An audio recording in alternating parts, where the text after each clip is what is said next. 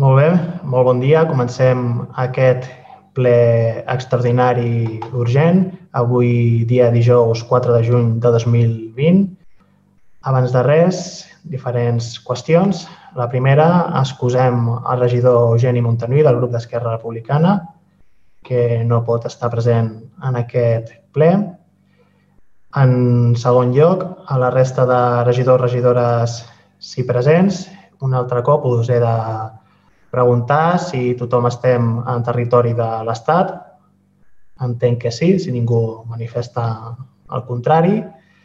I ara mateix són les 12 i, i 9 minuts i aquest ple que s'està emetent en directe per la ràdio municipal, així com el servei de streaming de YouTube.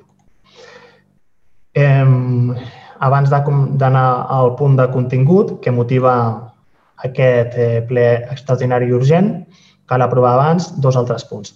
La primera és la declaració d'urgència de la sessió, eh, perquè, de fet, el punt que comentarem després és un punt que, com ja es va avançar, havia d'haver entrat al ple que es va celebrar la setmana passada, però donada la situació i les càrregues de feina en l'àmbit de drets socials per, per la crisi de la Covid, no va ser possible tancar l'expedient a temps per aquell ple i per això és necessari avui celebrar aquesta sessió. Així doncs, passem a posicionaments sobre aquesta qüestió de l'urgència per part de SOM. A favor. A favor. Ciutadans? A favor. A favor. PSC? A favor. A favor. Molt bé, doncs queda aprovada la urgència de la sessió.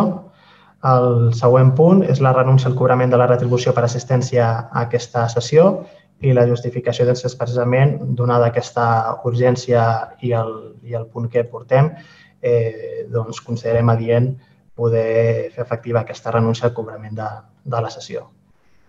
Punt, posicionaments. Per part de SOM? En contra. Per part de Ciutadans? Sí, nosaltres, senyor alcalde, eh, manifestar que estem en contra perquè les presses per organitzar un ple extraordinari pues, trenquen l'agenda laboral de qualsevol dels regidors i, per tant, considerem que hi hauria d'haver aquesta compensació. El nostre vot és en contra. D'acord. PSC? Sí, nosaltres en aquest sentit ja ens vam manifestar la darrera ocasió que vam tenir en un ple extraordinari. Avui tots els regidors socialistes, els altres grups suposo que també, estem aquí, hem de deixar de fer la nostra feina, tothom té feina, i, i estem aquí dedicant un temps que és nostre, eh, de les nostres feines i que en, en alguns casos em costa que penalitzat. O sigui que el fet d'estar aquí aquesta mitja hora, aquesta hora, els hi penalitzen a l'empresa i, i, i no cobraran aquesta hora de feina. Per tant, òbviament, el, el ple s'hauria de retribuir i mira, ja veig que el senyor Martos també s'ha pogut incorporar mm. finalment. Demano disculpes. Al, al, al debat. Eh, per tant, nosaltres estarem en contra i, en tot cas, si aquesta serà la política del govern amb tots els eh, plens extraordinaris que no es retribueixin, doncs eh, no s'hauria d'haver pactat a l'inici de la legislatura aquesta, aquesta retribució. Bàsicament, no entenen com es pacta cosa a l'inici de legislatura i cada ple extraordinari amb el segon ple extraordinari que tenim fan la mateixa actuació. En tot cas, si aquesta és la política, eh, s'hauria d'haver pactat doncs, que els plens extraordinaris, aquestes quantitats, les podrien donar i m'agradaria que això constés a l'acte, eh, a la senyora secretària, eh, que aquestes donacions, perdó, que, aquest, que aquestes aportacions que no reben els regidors, doncs que es donguin a alguna entitat de caire social, ja que no les cobren, que no se les quedi l'Ajuntament, que es puguin donar Càritas o que es puguin donar a alguna entitat de caire social, si no les hem de cobrar els regidors, que som els que sortim penalitzats a les nostres feines per no poder estar a la feina i haver d'estar aquí a aquesta hora o el temps que s'hagi d'estar per preparar aquest ple. Gràcies. Gràcies. Bé, jo aclariré algunes qüestions. El que avui proposem és conforme l'acord que es va, eh, com també ja vaig dir en l'anterior ocasió que, es va, que va sortir aquest debat, conforme l'acord que es va prendre al ple d'organització a principis de mandat, s'afegia el cobrament dels plens extraordinaris, però també eh, s'entenia les exempcions en els plens de meses electorals i també els plens que es preveien curts i amb assumptes més aviat de tràmit que malgrat la importància del punt que tractarem a continuació, també l'entenem d'aquesta forma. Està clar que plens extraordinaris relatius a ordenances fiscals, com també en alguna ocasió em penso que ja ha passat, pressupostos o, de fet, també el que preveiem celebrar juliol relatiu al pla de xoc, entenem que en aquells casos la dieta s'ha de, s'havia de considerar i no la consideràvem en, en, en aquesta sessió. És el punt de vista del govern, és el punt de vista del nostre grup municipal, eh, que políticament sempre hem defensat i que no només hem defensat, sinó que, que hem practicat. També els regidors tenen uns drets també per poder compaginar les seves tasques com a regidors i en el seu àmbit laboral i en tot cas també, si posteriorment ens voleu fer arribar també quines són aquestes casuístiques i casos concrets, doncs també no dubteu en, en traslladar-nos-ho per analitzar-ho i mirar de quina forma podem ajustar el millor possible aquesta conciliació laboral amb, amb les tasques que es correspon com a, com a regidors i, i regidores. Molt bé, doncs entenc que donat que no hi ha el grup d'Esquerra, de, hi ha 10 vots a favor i 10 en contra. En tot cas, amb el, amb el, entenc que ara el que correspon és l'ús del vot de qualitat de, de Correcte. Ja. Sí. Per tant, el punt queda, queda aprovat. Passem al tercer punt d'aquest ple, relatiu a la modificació i pròrroga del contracte administratiu dels serveis d'atenció domiciliària dels ciutadans de, de Ripollet. En aquesta ocasió cedeixo la paraula a la regidora Reyes Muñoz per tal que el presenti. Vale, bon dia a totes. Um, doncs, com ja ho ha dit l'alcalde, això és una... Eh, venim a presentar aquesta, aquesta aprovació no? de modificació i, i pròrroga no? d'aquest contacte tan, tan gran que resulta ser que és el segon més gran no? de tot l'Ajuntament de Ripollet i és que al final el que intentem és, és, és aquest augment d'estat no? per, per així donar resposta no? a, la, a la situació tan precària que viuen algunes persones a casa seva. El cert és que cada vegada els tempos per poder adquirir aquesta llei de dependència i per, per, pel tema de les prestacions, cada vegada els tempos són més llargs i la gent tira més pels serveis a casa i, i a vegades amb aquestes situacions doncs, tan precàries, com ja comentava abans, la, no podem esperar tot el que espera, tot el que, el que passa no? per, per, per institucions, institucions més supramunicipals i llavors és l'Ajuntament on, ha de, on ha de jugar i ha de, i ha de, ha d'estar-hi no? al costat d'aquestes persones que, que ho necessiten. És cert que també ens trobem amb una gran entrada de graus ús, eh, cosa que també discrepem perquè considerem que hi ha persones que tenen graus ús i realment supondria, creiem que tindríem un grau molt més elevat, però entenc que per recursos uh, no, no poden, però, però bueno, ens estem adaptant com, com podem. I també, amb el permís de l'alcalde, també m'agradaria fer un petit, un, res, un petit comentari que estic segur que de ben, tots i totes estareu d'acord amb mi.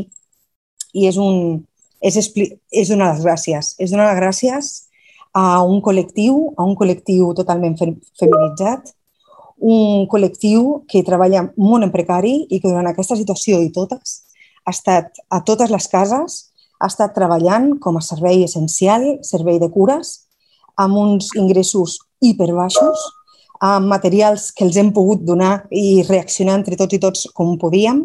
I és aquest col·lectiu de treballadores de servei d'atenció domiciliària que tenim, no només al nostre territori, que òbviament ara mateix els hi vull donar les gràcies a ella o els hi volem donar les gràcies a elles, no?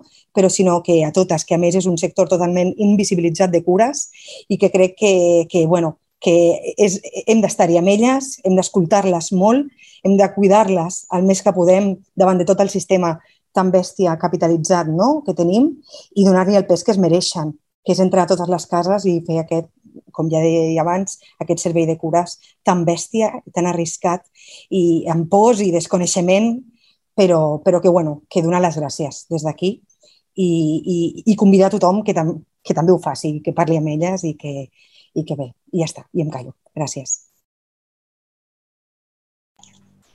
Gràcies, senyora Muñoz. Posicionaments per part de SOM? Sí, No, no, no se sent, senyora López. Perdó, perdó. Que votarem a favor. D'acord, gràcies. Ciutadans? Sí, votem a favor. A favor? PSC? Sí, en el nostre cas eh, faré com dues intervencions. Sí? La primera és que jo no votaré en aquest punt, votaran tots els meus companys, però jo no votaré en aquest punt, motivat, i ara vinc a la segona intervenció, Eh, si no ho saben els senyors regidors i senyors regidores, jo soc treballador de la cooperativa Suara des de fa poc temps. Abans treballava en una altra entitat, però Suara ens va absorbir i justament dirigeixo no el servei del SAT de Ripollet perquè vaig intentar no estar a cap servei públic, però sí que sóc directiu de Suara, eh, de l'empresa que presta els serveis, de Suara Serveis, però a la part de, de SAT privat i altres negocis de salut. Per tant, conec molt bé tot el que diu la senyora Reyes Muñoz, de totes les eh, treballadores familiars i les auxiliars de la llar tinc la gran sort de dirigir un equip molt gran, eh, de més de 100 persones, eh, que estan anant a domicili, ara mateix arreu de tot el territori, no només a Ripollet, sinó a tots els municipis de, de Catalunya. I hem tingut casos de contagi, hem tingut en algun cas d'algun SAT públic alguna defunció de persones que han, que, que han tingut la mala sort de que s'han contagiat i és veritat que és un, és un sector molt feminitzat, en condicions molt precàries perquè els convenis eh, tenen salaris baixos. És veritat que s'estan millorant, que en els propers anys hi ha pujades previstes importants de fins al 8% en els propers anys i que això millorarà una mica les condicions laborals d'aquest col·lectiu que és molt, molt necessari i que és invisible, com bé ha dit la, la senyora Muñoz, i, i jo crec que aquí tothom hem d'estar a favor. En aquest cas, jo personalment ja ho vaig parlar amb la senyora secretària, eh, aquest, aquest punt, eh, el meu vot no comptarà perquè jo no, no, no, no voto en aquest punt. Vale? Més, no per res, perquè jo no tinc res a veure amb aquesta decisió, però és una decisió que l'Ajuntament de Porta prenem a aquesta cooperativa des de fa molts anys, molt, molt abans de que jo fos regidor, però en aquest punt, eh, des de fa aproximadament sis mesos, ens van subrogar treballadors de Suara i, per tant, no, crec que el més ètic eh, i el més normal és que jo no, no, no hi participi d'aquesta votació. Gràcies. Moltes gràcies, senyor Tirado, sobretot també per aquesta transparència i, i honestedat. I mm, comentar que al final el que estem aprovant aquí és la necessitat de modificar el contracte administratiu entre l'Ajuntament i Suara, que un contracte que es va eh, signar el 6 de juny de 2018 i, per tant, ara el que s'aprova és la modificació també del contracte administratiu d'aquests serveis per tal d'adequar-lo a les necessitats socials detectades des de l'àmbit de drets socials, segons els informes redactats, eh, que es dona per reproduït. El cost d'aquestes modificacions suposen un increment inferior al 50% legalment previst del preu inicial, en aquest cas 200.647 euros amb 7 cèntims, conformant la quantitat total de 987.498 euros amb 31 cèntims anuals. S'aprova la necessitat de disposar de la primera pròrroga d'aquest contracte del, del SAT. S'aprova la pròrroga d'un any de contracte referència a comptar des del dia 6 de juny de 2020 fins al dia 5 de juny de 2021 amb dos inclosos, segons les condicions previstes en els plecs. S'aprova la disposició de la despesa per la modificació anteriorment aprovada per l'exercici 2020 i el 2021 i es notifica a les parts interessades. I sumar-nos en nom de tot el plenari a les paraules que ha dit la regidora Reyes Muñoz d'agraïment de la tasca que han fet, no només ara, però ara especialment més, sinó al llarg de tant i tant de temps, sovint una feina eh, invisibilitzada eh, i moltes vegades econòmicament i socialment poc, poc valorada i per tant és impossible, és, és necessari imprescindible també que per part d'aquest plenari fer aquest reconeixement públic i explícit per part de tots i totes nosaltres a aquestes treballadores. Així doncs, amb el vot favorable de tothom i entenc que el senyor Tirà computa com a abstenció, secretària? Sí? D'acord. Doncs amb l'abstenció del senyor Tirado per les eh, eh, motivacions que, que ha comentat i el favorable de la resta, queda aprovat aquest punt. Ja no hi hauria més punts de l'ordre del dia d'aquest ple. Només comentar per últim dues eh, qüestions.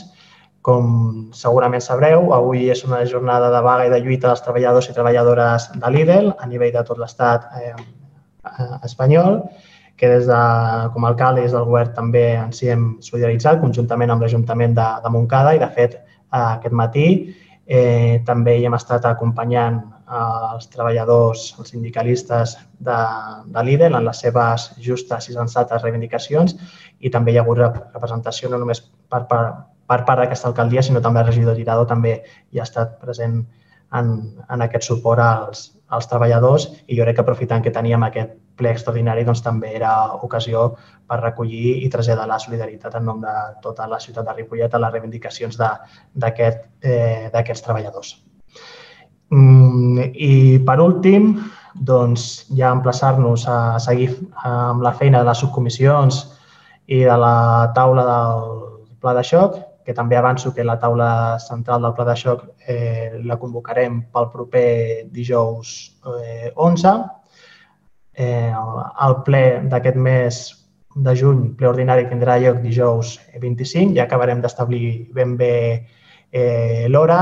En principi estem treballant perquè pugui ser presencial, adaptant el possible espai i totes les qüestions tècniques que, que hi hagin de ser pertinents i comentar també d'interès dels diversos grups municipals que donat que dimecres 24 és festiu per, per Sant Joan.